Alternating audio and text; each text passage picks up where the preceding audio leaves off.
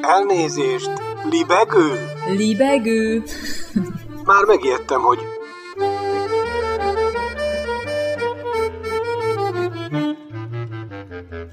Üdvözlöm Önöket! Ez itt a Libegő újabb szellemröptető műsora.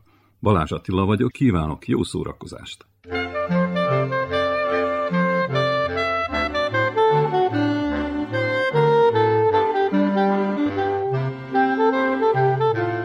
Hallották már? Hat díjat nyert egy törökországi filmfesztiválon a Magyar Golgota.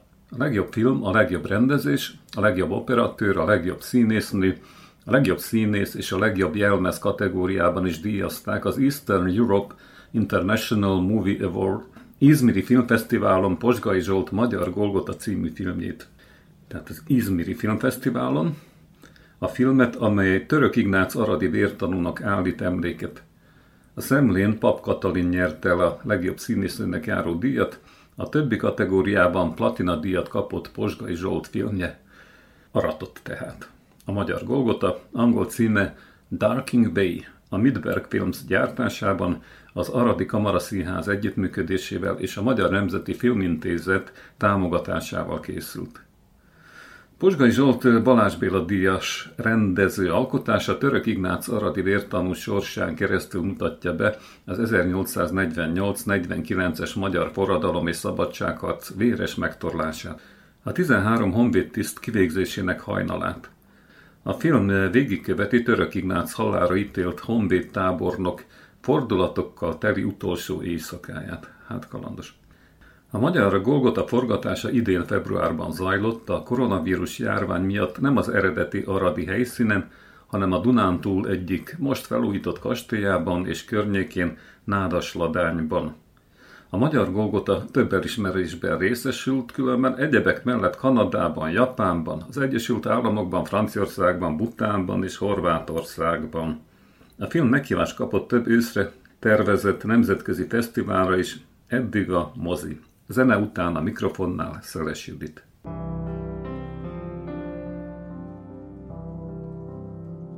Távol kerültem jelenlétettől Nem volt remény, hogy elérjelek.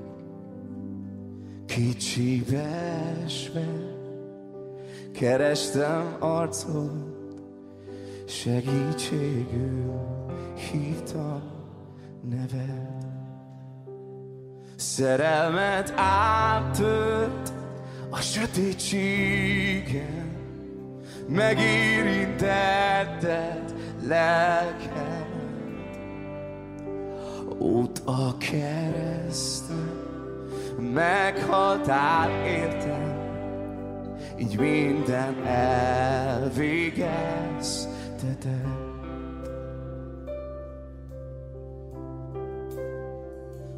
Felfoghatatlan Szerelmes Isten Kiérthetné meg szándékait Dicsőségéről De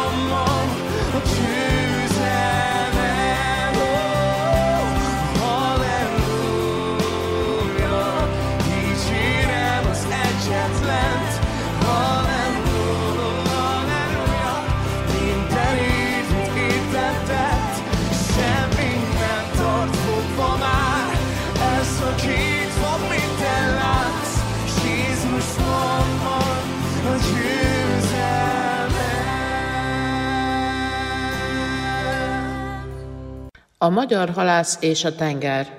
A magyar elvesztek a tengerei az idők során. Az a feladat, hogy visszakeressük a nagy vizeket. Én például az Atlanti-óceán északi tengeri részét. Már jó régen lakom itt, a tengerpartján, 18 éve. Persze ebből a 18-ból egy hosszabb időszakot bent a szárazföldön éltem, csak az utóbbi nyolc évben lakom a tengerpartról 10 percre. Az erkélyemről látom mindig, hogy milyen színű a víz, hogy haragos kék, szinte fekete, vagy ezüst, vagy éppen világos kék, mint az ég. Ez attól függ, hogy mennyire fúj a szél, és milyen meleg van. Van egy jó barátom, akivel egész évben sokat lógunk együtt. Jóban, rosszban kitartunk egymás mellett. Kevés ilyen barátja van az embernek. Henrik a becsületes neve. Henriknek van egy kis hajója, úgynevezett Snipa típusú fahajó, amit itt nálunk a norvég neve után snekkének is hívnak. Ez a fajta halászcsónak 5-8 méter hosszú, nem nyitott felül, rendszerint kék vászon fedi a munkateret, dízelmotor van benne. A maximális sebessége körülbelül 5 csomó. A Henrikének Anna a neve. A télen a szárazon pihent, de tavasz óta a Holkedallené kis hajókikötőben van, ami Strömstad déli szélén található. A napokban a városban vett fel Henrik, indultunk horgászni. A Skürveser nevű mólónál találkoztunk. Onnan kényelmesen be tudtam mászni oldalt a csónakba, nem kellett az oldalán végig egyensúlyozni, mint egyébként. Nem szeretnék ugyanis beleesni a vízbe, nem tudok úszni is, bár van rajtam mentőmellény, de a hideg fürdőt inkább kihagynám.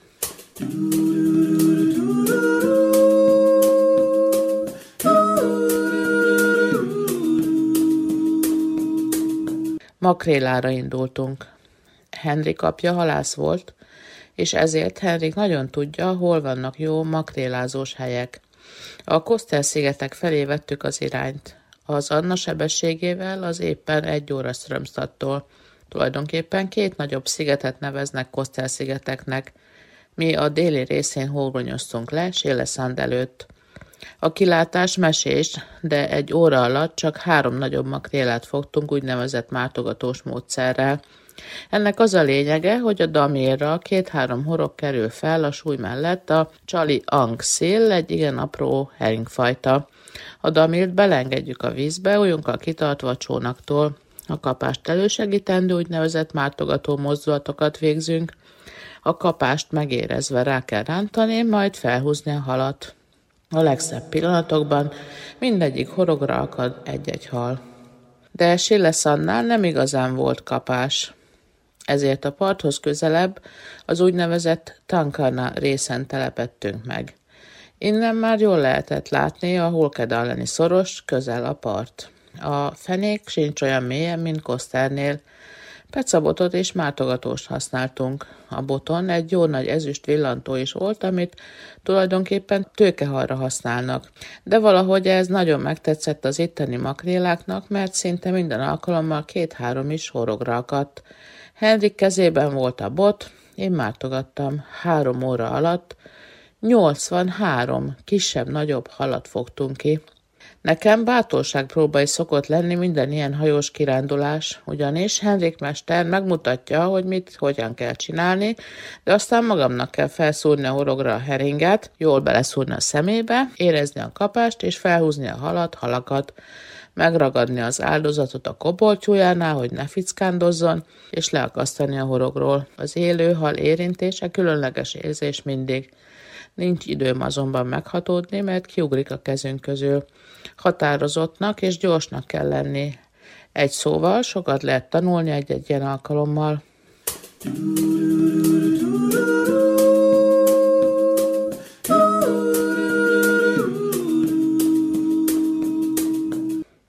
A nap fénypontja egyúttal a halászás végét is jelentette. Felbukkant ugyanis tőlünk pár méterre egy fóka. Hatalmas gombszemeivel nézett ránk és szuszogott. Aztán gyorsan leismerült, és a mi halainkat elriasztotta. Még egyszer kidugta a fejét, hogy értsük meg, ez az ő vadász területe. Így szépen összepakoltunk, és a kikötő felé vettük az irányt a zsákmánnyal. A halakat egy jéggel teli nagy kapcsos hordóban tároltuk, míg ki nem kötöttünk Holkedallemban. Aztán kitakarítottunk a kikötés után. Legvégül porcióztuk ki a makrélákat. Éppen arra járt Henrik apjának egy ismerőse a mólón, és ő is kapott belőle. Boldog volt a kisereg, és leállt velünk beszélgetni. Főleg régi halászévekről, meg hajókról volt szó. Tőlem meg megkérdezte, hogy észak-svéd vagyok-e, mert olyan finnes a kiejtésem. Persze, mert magyar vagyok, mondtam neki. Magyar halászt még nem látott, válaszolta kacagva. Hát, nem sokan vagyunk. Valahogy most éppen nincs tengerünk. Vagyis van azoknak a magyaroknak, akik külföldön tengetik az életüket, mondtam.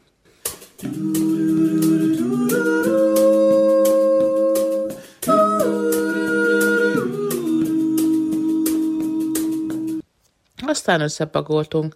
A makrélákat Henrik besózva teszi el a térre, én meg hazavittem párat, hogy megsüssen frissen. Mélyhűtőben sokáig nem lehet tartani, mert megváltozik az állaga. De azért nekem oda is jutott.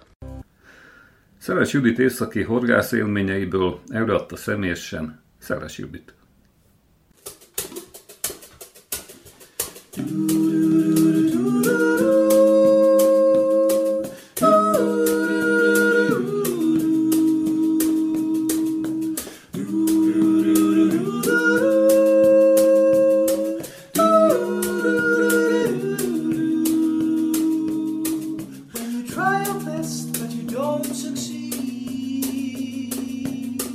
When you get what you want but not what you need. When you feel so tired but you cannot sleep. Stuck in the river.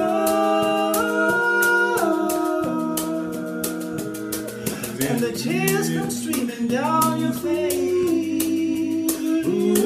When you lose something you can't replace. When you love someone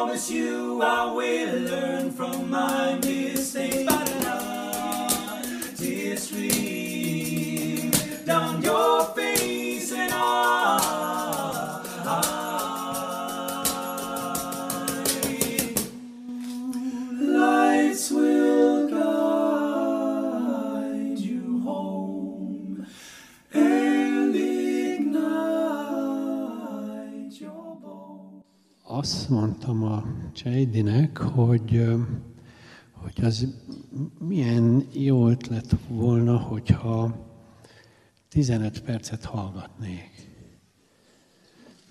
A Csedi azt mondta, hogy ez nem jó ötlet. Elvileg jó ötlet.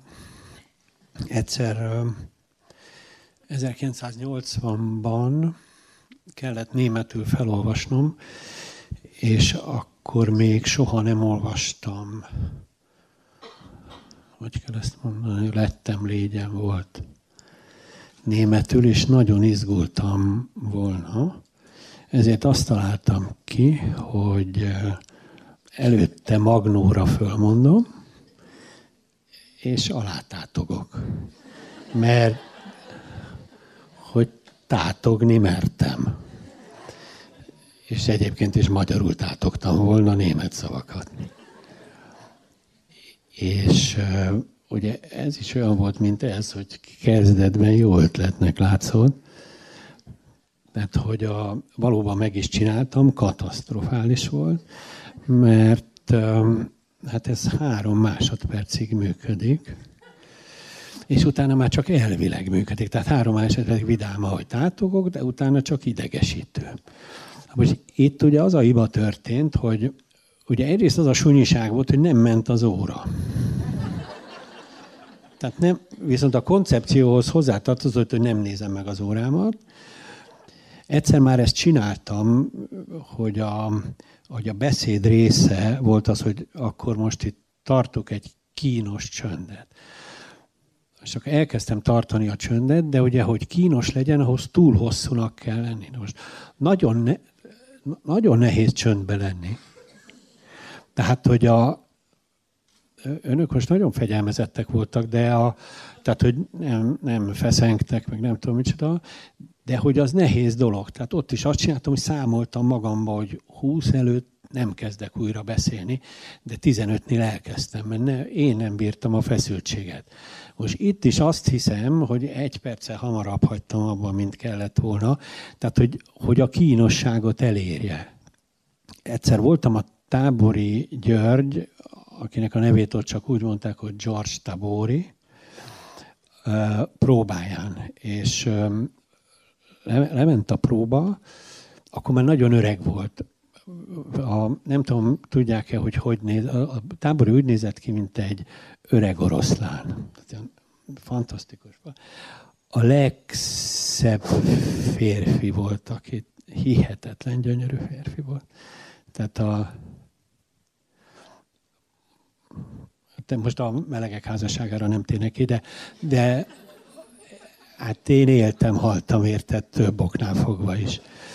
És a, de akkor már nagyon öregnek látszott, és ugye elvileg a színházban a rendező a főnök, de nem láttam volna, hogy, hogy van ereje ehhez. Ott ült egy az ő székén, és nagyon egy összetört öreg ember volt, ebben a gyönyörű fejjel. És a színészek próbáltak valamit, és aztán újra próbáltak valamit, és én tehát tudtam már, hogy mi jön. És véletlenül leesett az asztalról egy öm, valami ilyen nagy puffanással, és ez a puffanás ilyen hihetetlen agressziót teremtett a színpadon, és a színészek utána mentek ennek az agressziónak. Tehát elkezdtek, például hangosabban mondtak a következő mondatot, erre a másik még hangosabban. Egy másodperc volt egy ilyen hihetetlen üvöltözéses dolog támad, és elkezdték dobálni, a, ami a kezük ügyével került, és egy két perc alatt szétszették a színpadot és liheg, hát én megnéztem, hogy hát ez a színház, ez a pillanatnak a, micsoda gyönyörű dolog, ez kiszámíthatatlan, ott a színésznek a zsenialitása. Na így leesik akkor az ember a kurva életbe. Hogy miért nem lehet csöndben maradni? Picsába. Az ember hatalkod, gyarapít, azt haza meg baszik fényre derül. Ha most már mindegy, mondom. Szóval, hogy a, ez a legrosszabb, amikor az ember azt hiszi, hogy lehet színészkedni. Amikor színészekkel van együtt az ember színpadon, akkor van rá, micsoda, rá, ráfaragás. Mert, a, mert a, az ember azt hiszi, hogy tud jól felolvasni, és a, én jól tudok felolvasni, de hát a, Nem kell visz, több visszamondani a többieknek, de csak akkor ezek között tudok jól felolvasni. Tehát a, az azt jelenti, hogy az ember a hangjával tud három dolgot körülbelül csinálni. Az sok. A, a Kornis Mityu azt tud ötöt, tehát mert ő, ő nagyon jó, és egy közepes színész is tud 15-öt. Ugye az az előnye van meg a szerzői felolvasásnak, hogy abba bele lehet bakizni. De az mindig azért nagyon kellemetlen. A pláne, hogy az ember megpróbál színészkedni, és akkor ott van egy színész mellette, akkor az nagyon nem jó. Visszatérve már most választott témánkhoz, a, tehát állnak ott lihegve a színészek, és néznek a táborira, hogy hát, hogy a mester akkor az, az elismerés, hogy, mert ők is úgy gondolták, hogy én, hogy ez mi, micsoda színházi pillanat. És akkor azt mondja ez az öreg ember, ilyen az, mint az utolsó szavait mondaná, hogy jó, ez nagyon jó volt, amit csináltatok. És ha nem csináltátok volna, az még jobb lett volna. Tehát ez kicsit ilyen volt az én kécs parafrázisom a, a, az üres a, a csönddel. De akkor azt gondoltam, hogy akkor a csöndre fő... És persze a legfontosabb mondatot elfelejtettem. Ezért fölírtam magamnak, de aztán láttam, hogy itt senki nem veszi elő a papírját, és akkor én se fogom elővenni, még égetem magamat. Mert akkor, akkor most menjünk vissza, tehát a, most fejezem be a csöndet, és akkor azt mondom, na, idáig tartott az őszinteség. Ugye ezt jó kitaláltam. Csak, csak elfelejtettem. És a, a csöndet akarom mesélni, hogy a, ugye más országokban más a csönd kvóciens. A, a, mi, mi úgy tanultuk meg, vagy úgy vagyunk szocializálva, hogyha egy társaságban csönd van, az kínos, tehát hogy beszélni kell.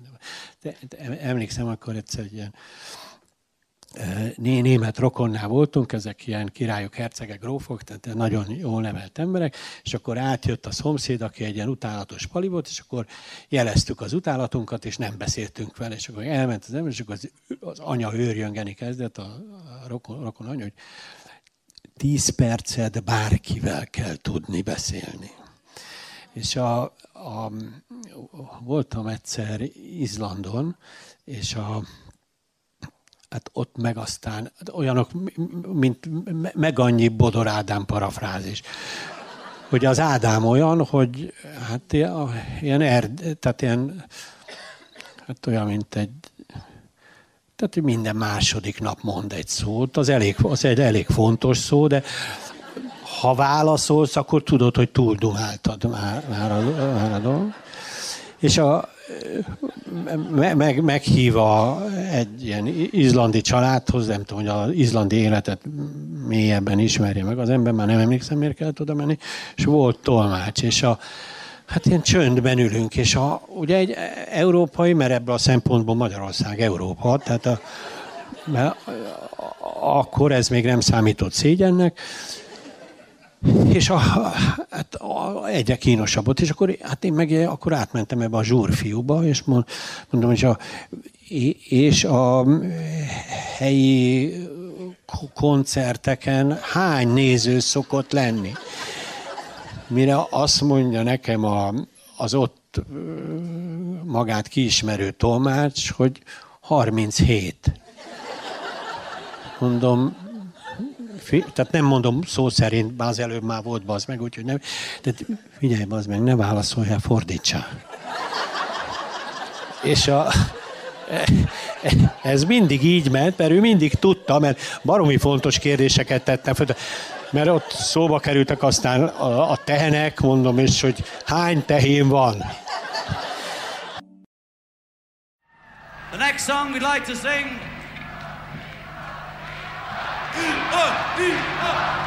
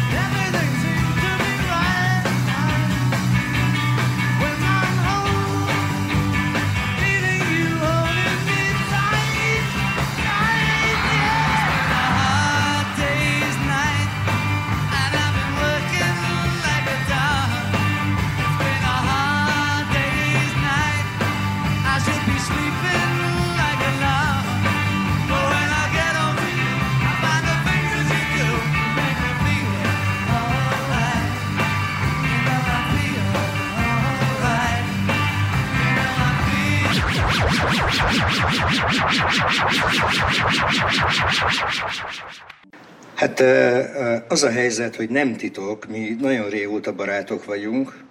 Már akkor barátok voltunk, amikor még Ladányi azt se tudta, hogy barátok leszünk. A Veszprémi Művészetek Háza Olvasólámpa című rendezvény sorozatának a vendége legutóbb Ladányi István költő író volt egy hosszabb rész, következik ebből. A kérdező Bozsik Péter.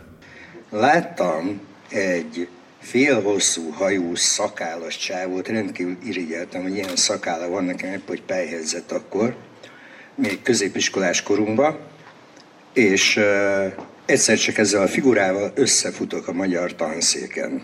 Nem, nem emlékszem arra, lehet, hogy találkoztunk középiskolás korunkban is. Imittam ott, de hogy ilyen komolyabb beszélgetéseket nem folytattunk, abban majdnem biztos vagyok. És ö, hát így nagyjából első után aztán, hogy mondjam, egybe költöztünk egy trafikszobába, ami nagyon vicces volt, mert reggel befagyott a lavúrba a víz, úgyhogy elég nehéz volt mosakodni. Na mindegy, ez a bevezető. Tehát a költészeti részre áttérve, állandóan izgat engem az a kérdés, hogy hogy is mondjam, nem szeretem ezt politikai költészetnek nevezni, de a polisszal való foglalatosság, vagy a társadalmi kérdések költészetét, azt tulajdonképpen én nagyon kedvelem, pláne azokat, amelyek bizonyos történelmi szituációkra mutatnak rá. Úgyhogy szegény Ladányi barátom olvasási rendjét én fölrúgtam titokba, az előbb már jeleztem neki. Ugye olyan verse indítunk, ami a tulajdonképpen bizonyos mértékig az emlékversekbe is, jó, és mi is a, olyan bonyolult címeket azt mondjuk, hogy elfelejtem. A prózakötetednek mi a címe annak az apró betűsnek? Távolságmutató. Távolság ö, mutatóba is, lírai eszébe is érinti ezt a kérdést, de most akkor belevágunk a közepébe egy 1900, mi is a címe versnek? Folyton ezek a dátumok, majd erre is rákérdezek, és innentől kezdve tulajdonképpen elindul a versfolyam, vers és próza folyam. De akarsz valamit fűzzél hozzá. Hozzáfűzök egy-két dolgot, mert nem tudok nem kommentálni, inkább kommentálni tudok, mint, mint verset írni. Először is köszönöm szépen a meghívást. Még jöttem ide felé, addig azon izgultam, hogy nem lesz senki. Most meg azon izgulok, hogy ilyen sokan vannak. A, Ne szorongj! a standardünk az a Balla est, volt egy trialógusok nevű sorozatunk, vagy című sorozatunk, és a legkudarcosabb közönségszervezés szempontból az a Balla Zsófia est volt kiváló költőn, és mindig attól félek, hogy annyian lesznek, mint azon voltak, már nem tudtunk hova menni, hogy, hogy ne legyen olyan feltűnő, hogy hát nem tudom, öten voltunk, vagy szóval nagyon kevesen voltunk. A hányanon kevesebben. Na, hát én- viszont nem vagyok annyira oda ugye a közéleti eh, költészetért. A közéleti költészetnél valahogy előjön az a probléma, ami nekem szorongást mondta, talán a versek kapcsán a legnagyobb szorongás, hogy eh, attól is eh, hát tartok, hogy nem fogják majd érteni a, a szöveget, amit írok, de attól is legalább annyira tartok, hogy, hogy ilyen nagyon egyértelműen érteni fogják. Most ez a közéleti költészetnél aztán végképp probléma, hiszen azt, azt azért írja az ember, hogy, hogy valami konkrét dologra erősen reagáljon, és ott azt ambicionálja, hogy, hogy, hogy értsék majd, tehát kevésbé lehet úgy, úgy körbelőni, vagy, vagy mellélőni a témának, mint amit én szeretek csinálni, hogy mm, ne akarjam úgy egy az egyben megnevezni. Itt viszont vannak abban a versben, amit a Bozsik kért, külön, és ő fizet, így neki olvasok. Szóval ebben, ebben vannak ilyen erősebb kijelentések, amilyenek nem, nem nagyon jellemzők Ó, rajta kaptalak. tanulmányaimra se nem, hogy ilyen versekre. Szóval a címe az, hogy 1990. augusztus másodika. Én szabadkai költő vagyok. ezzel az igével létezem. Látom a számokat a képen, dollár villog a gépeken, barelra barell. Mondatra mondat a költő. Térképe kézirat, határa nincs, lakosainak száma végtelen. A cipőmet mostam az este, vegyszerrel vödörnyi vízben, és néztem, mint lesz tisztába léptem. Reggelre eltűnt egy ország. Még mondják mondatban a nevét, és ott van a rajzolt képen. Látjuk az elvont határt. Ott lépett át a hadsereg. Hallottuk a hírnyi katonát. A valóság értékre ott a grafikon, fekete tintával mérten. A lexikonban szócik, Davlat Eit El Kuwait, arab. Alatta számokkal két millió. Egyáltalán vannak ők oda át? Valahol most is írják a híreket. Én itt káromkodom mérgesen, eltörött tintempen tollam, már merő vér a tenyerem. Persze elvetik az ellentétek katonai megoldását. Nyomdász rendben minden ékezet? Már bizonyos költő Vörös Marti leírta egykor, descripció, e kertészetet. Mit tegyek? Kész tények elé állított a hajnali hadművelet. Kimegyek, pisálom a homokba sorom, de jó, hogy nem vagyunk arabok. Aztán csak arabok lettünk valamilyen szinten. Nekem, tehát így, ahogy gondolkodtam ezen az este, azért volt ez ilyen, ilyen fontos, mert 90-ben íródott, 90-ben úgy tűnt, hogy Hopszi- Hopszika megmarad egy ország, majd gyakorlatilag fél év múlva, vagy egy éven belül zsupsz, elment. Na, akkor viszont áttérünk a mesteredre. Nem ismerek senkit, aki annyi Tolnai Ottót olvasott volna, mint ö, Ladányi István. Lehet, hogy vannak ilyenek, de én őt ismerem a legjobban. Egy ilyen Tolnai Ottós, meg, meg új szimpozionos szöveg felolvasásával gondoltam kezdeni. Bozsik javasolta, hogy akkor indítsunk el az emlékversek kötetből ezzel a, ezzel a 1990-es esemény a Kuwait lerohanására reagáló, tulajdonképpen egy alkalmi verssel, ami akkor hát nagyon megrázott, Nincsenek vagy alkalmi versek. Én a, ezt a Tolnai új szimpózionos prózaszöveget, eszészöveget gondoltam bevezetőnek, mert mostanában el- ezzel a két témával foglalkozom, mostanában nem tudom, 10 éve, 15 éve, ezzel foglalkozom legtöbbet. És ö, hát kerestem valami talán könnyebb szöveget, ami, ami erre reagál. Nem tudom, hogy kiolvasott több tolnait, vagy kevesebb, vagy nem is tudom.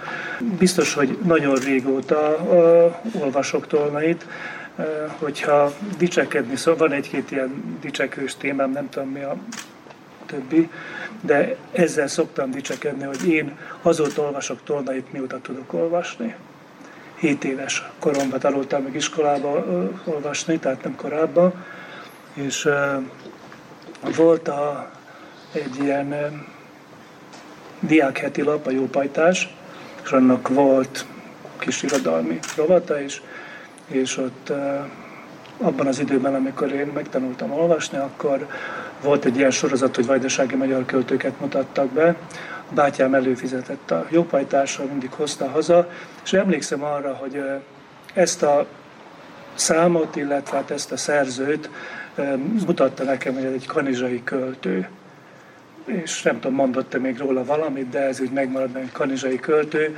Én Adorján nevű településen születtem, akkor még ott éltem, tíz éves koromig ott éltem, de hát akkor még ott éltünk, és a bátyám viszont Kanizsára járt már eh, iskolában, mert ő felsős volt, elsőtől negyedikig volt ebben a faluban iskola, és eh, Hát az, hogy Kanizsán, vagy Kanizsához kötődően, ez a mi, ő, Kanizsa volt a mi városunk, tehát a falunak a, a város, aminek a szatellitje voltunk. Eh, Tehát, hogy ott van egy költő, és írhat verset valaki, aki ott a mi közelünkből való, ez olyan új felismerés volt számomra, és hát a, akkor ezt elolvastam, arra emlékszem még, azt hiszem, hogy az egy másik vers volt, am- amikor a bátyám mondta, hogy, vagy mutatta, hogy a mi falunkat is beleírta, tehát Adorjánt is beleírta Tolnai egy eh, versben, ez a Méznád édes gyökér után eh, kezdetű gerilla verse, gerilla dalja Tolnainak. Tehát nagyon korán bekerült így a, figyelmem terébe a tolnai, amikor még semmit nem tudtam szinte irodalomról, meg ar- arról sem, hogy ezzel valamiképp majd esetleg eh, lehetne foglalkoznom. És utána is mm, semmit nem értettem a verséből, de mindig olvastam, amikor láttam így újságban, vagy hát később eh, folyóiratban. Bár amikor folyóiratokat kezdtem olvasni, akkor már szerintem kezdtem érteni is valamit. Ez a szöveg eh, tavaly íródott a Tolnai 80. születésnapjára. Kaptam egy felkérést, hogy válasszam ki a, a kedvenc tolnai szövegemet, vagy ilyesmi, és akkor esetleg kommentáljam is. Ez a könyv, könyv mi is a cím ennek? Valóban mi lesz velünk? A, nem a, a folyóiratnak. Ja, a könyves magazin. A, igen, a könyves magazin. Szóval oda íródott egy online eh, helyszínre, vagy helyre, és mindenféle linkekkel van tele, ezeket majd próbálom itt mutogatni. Úgyhogy nagyon eh, interaktív leszek, és nem tudom, mi minden. Arra gondoltam, hogy nem a, és a címe Balaton. Arra gondoltam, hogy nem a Wilhelm dalokból választok mégsem, nem is a Kisinyavi rózsából, vagy az Ómama kötetből, netán az árvacsádból, de nem sorolom tovább. Szóval, hogy ezúttal ide a Balaton című verset emelem ki, a Valóban mi lesz velünk című Mutatom. Domonkos Istvánnal közös kötetükből, aki augusztus 7-én lesz 80 éves, vagyis most már 81. Ebből az örökösen és mindinkább aktuális című kötetből, amelyet Domonkosnak is, Tolnainak is két-két hosszú verse alkot. Meg Végel László utószava persze, meg Kapitány László könyvterve és nagyszerű kollázsai, Nem tudom, mennyire. Például épp a Balaton vers előtt már ekkor a zsilettpenge motivumával. Szóval Domonkostól az Élet az a német város, meg a Mikis Theodorakisnak ajánlott Kislányom Görögország, Tolnaitól meg a Balaton és a Guevara van a Valóban mi lesz velünk című 1968-as kötetben, amit nemrégiben sikerült becserkésznem az egyik online antikváriumban. Gyönyörű síratóvers a Balaton, a szabadvers apostolait, mestereit, példaképeit siratja a magyar tenger partján Tolnai, Kassákot és Füstmilánt, aztán Kodályt és Sinkó Ervint, és sorolja tovább mindazokat, akiket az az év addig elvitt. Az 1967-es nyár balatoni közérzete, víziója a szimpozionista avantgárd perspektívájából, körülötte az akkori tömegnyaraltatás lehangoló világával és a tévében futó táncdal fesztivállal. Régóta, évtizedek óta kedvelem ezt a verset, amióta az 1980-as évek elején Bozsik Péter barátommal versenyt olvasva ástuk be magunkat a szimpózion hagyományba, de nemrégiben fedeztem fel igazán, amikor az új szimpózion 1967. szeptember-októberi 29-es, 30-as számában publikált változatával foglalkoztam. Erről a számról van szó, amit még lapozgatni fogok. A vers itteni kimunkált tipográfiájával, a körülötte lélegző folyóirattérrel új, friss olvasatot tesz lehetővé. Ebben a változatban a kiemelés eszközeként még használja a nagybetűket, mármint a normál mondatban a nagybetűket, a valóban mi lesz velünk koncepciózusan egységes tipográfiája ezt később már nem támogatja.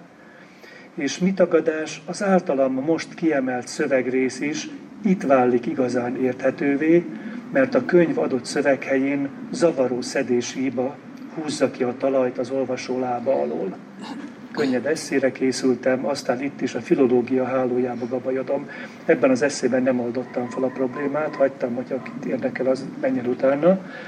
Olyan banális hiba van a valóban mi lesz velünk eh, változatában, hogy az EGRI név, ami kisbetűsen van a vers szövegben, az egri nevet nem értette gondolom a nyomdász, és egyet szedett az egri helyett, tehát kivette azt az egy. És a festőt nem, tehát teljesen értelmetlen a szöveg, vagy elég nehéz rátapintani, hogy ott az egri Józsefről lenne szó egy helyett. Tehát a folyóirat változata az igazi. A Sinkó Ervin emlékének szentelt lapszám Tolnai Otto Brunkusnak a Hallgatás Asztala című szobor kompozícióját körbejáró szövegével indít, értelmezve a lap címoldalát, ahol az új szimpózion emblémája a két egymásra nehezedő, kifordított félgömbbel termékeny párhuzamba helyeződik, Brankus körökkel és félgömbökkel dolgozó szobrá, ö, szobrával. Romániai magyar barátaim figyelmeztettek, hogy nem úgy kell mondani, ahogy Tolnait is beleérteni szoktuk mondani, hogy Brancusi, ilyen európai olvasatban, hanem van ennek egy általam nehezen kiejthető román változata is ennek a képzőművész névnek. A hallgatás asztaláról eh, ebben a számban további fotók eh, találhatók, illetve majd elindítom egyébként körbe egy belelapozásra. Eh, Hát igen, ez mindig veszélyekkel jár, de nagyon szép eh, címtipográfiája van eh, a nullával, meg az ókkal, nagyon szépen játszik Tolnai, és hát eh, addig nem indítom el a számot, amíg föl nem olvasom belőle inkriminált versrészletet. A hát Brancusi súlyos kőtömbjei, vagy Brankus súlyos kőtömbjei, az elnémulás, a csend jelei lesznek itt, de a túlélésé is, mert a kő mindig eleve kívül helyezi magán a halált. Írja a 27 éves eh, jegyzetíró Tolnai, aki a eh, vers mellett eh, erről a Brankus képzőművészeti alkotásról is ír egy jegyzetet ebbe a számba. A Balatonvers fölerősíti a szobor kompozícióra jellemző gömbmotívum akusztikáját, a csend, a semmi, a nulla, a kiüresedés jeleként láttatva. A gömb aztán az egész tolnai költészet vissza-visszatérő motívuma lesz, gyakran összefüggésben az óval és a nullával, az Otto név két gömbjével és a semmivel. A Balaton cím önmagában két versé válik a folyóiratban, kinagyítva a Balatonban az ó gömbjét, a szöveg pedig újabb és újabb összefüggésekben ismétli meg ezt az ót, a felkiáltás ójában, a tó szó újabb és újabb kimondásának játékában, az ó a tó, az ó a só és a többi felkiáltás végtelenített iróniájában, a tóból ivó bivaj lába között beazonosított két fekete nap képével, idézem, verejtékező bivaj farol a nap elé, lába között két fekete nap, dűrrel rajzolt a heréi, ellenkező irányba forognak, inni jöhet egy szegény. Illetve még egy idézet ezzel a szóval, a belső tó a Balaton betűje.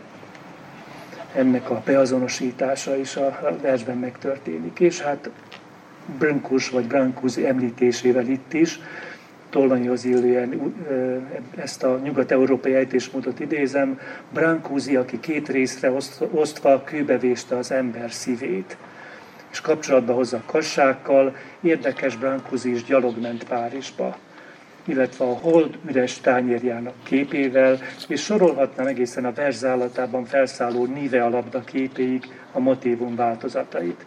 Olvasólámpa. Ladány Istvánt Bozsik Péter kérdezte. Veszprémben, nemrég.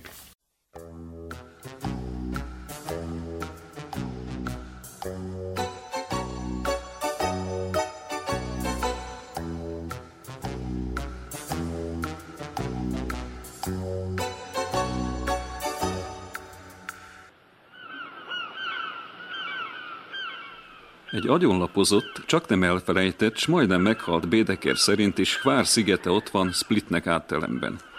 Enyhén hátszőrös cetként hever a tengerben, és ebből a szempontból se változott hosszú-hosszú éveken át. Legnyugatibb pontja a Splitti kapuval van egy vonalban, mélyen ben a vízben, legkeletibb részét viszont alig 5 kilométeres csatorna választja el a szárazföldtől.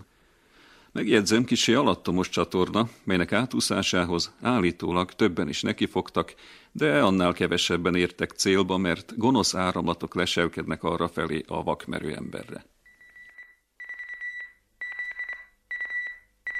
Igen, valamitől ott a közepén lehúz a víz, mintha a köldöködből kirántanák a dugót, és ólom nehezéket helyeznének beléd. Mondták már többen. Még a delfinek is elkerülik azt a helyet. Márpedig ők tudják.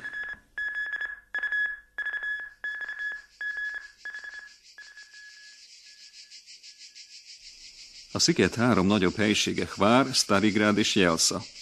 Hvár szigete a kőkorszak óta lakott. Az ebből az időből származó leletek közül egyedülállóak a Grabcse barlangban talált úgymond őskommunista kerámiák. Utóbbiak között bizony szép számmal akad fallikus alakzatú, vagy éppenséggel vulvát formázó, mint egy sejtetve, hogy később majd arrébb az idők útján pucér nudisták seregei lepik el ezt a terepet.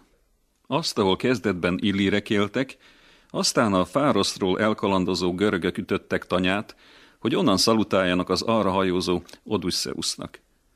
A partra felsorakozva integettek és énekeltették a tisztelet, ám az erényes tisztelet jeléül alulról övig zsákba kötözött asszonyaikat, az egyre inkább hvároszi ógörögök, míg a nagyhős el nem tűnt a horizont mögött.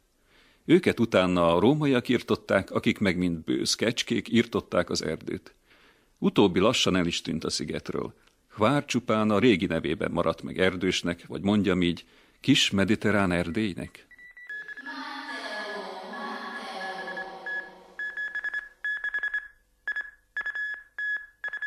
Hvárvároska expolgármestere, bizonyos Milán Lakos úr rendkívül szimpatikus ember, amatőr színművész.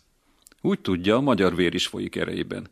De hát ne dobbanjon ettől akkorát a szívünk. Hváron megfordult már annyi nép, hogy azt itt talán nem is lehetne mind felsorolni.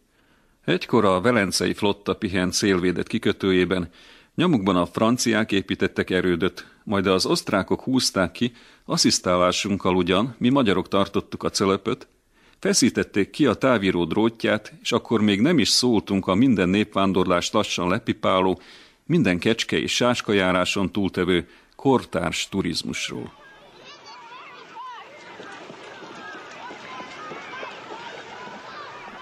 Apropó, a régmúltban a Sziget távíró hivatalának vezetője, egy lelkes monarchiabeli meteorológus naponta háromszor megtáviratozta Bécsbe az időjárási adatokat. Hosszú ideig dolgozott ezen, miközben jelentései egyre furcsábbá váltak. Végül olybá tűnik, csalódott magányában felkötötte magát. Úgy lengett és száradt ki zörgősre, mint a sózott hal a déli szélben. Nem sokat beszélt, összes mondandóját eltáviratozta, a többit meg egy kis naplóba zárta. Részletes megfigyeléseiből kiderült, hogy köd, fagy, váron legalábbis száz évig nem fordult elő. Ennek a derék férfiúnak az adatai alapján ígérhették jóval később téli vendégeiknek a kiépülő vári szállodák tulajdonosai, hogy köd vagy nulla fok alatti hőmérséklet esetén penziódíjat nem számítanak fel. A reggel 7 és délután 17 óra közötti három órás eső esetén pedig 50%-os kedvezményben részesülnek.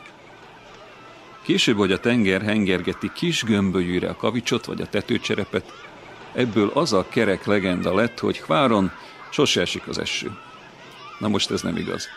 Újabban még dérvirág is kerül a mandula virág mellé, de ezekben az eszement időkben mi nem lehetséges, anyukám.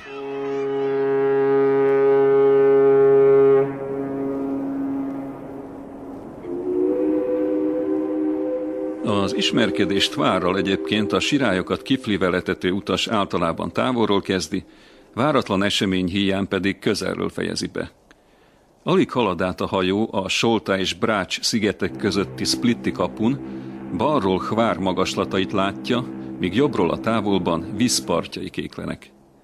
Az első fél órában emberünk egy kis csalódást érezhet, nem is tudja, mit mobilozzon haza, mert amennyire minden dalmáciai városnak megvan a maga egyéni bája, annyira egyformának látszanak távolból a szigetei. Magas, meredek, csenevész bozóttal borított partok, itt-ott pár ház, templomtorony, ennyit mutat meg magából messziről Hvár is, a világ egyik legszebb szigete, miközben a sótól és a távolságtól még nem érezhető a levendula bódító illata, meg a rozmaringé. Először a hegyen ülő Fort Napóleon, majd a spanyol erőt körvonalai bontakoznak ki. Csak utána többi. Például az a sziklarepedésbe szúrt, korhat evezőlapát, amelyre nylon harisnyát kötött szellemesen valaki.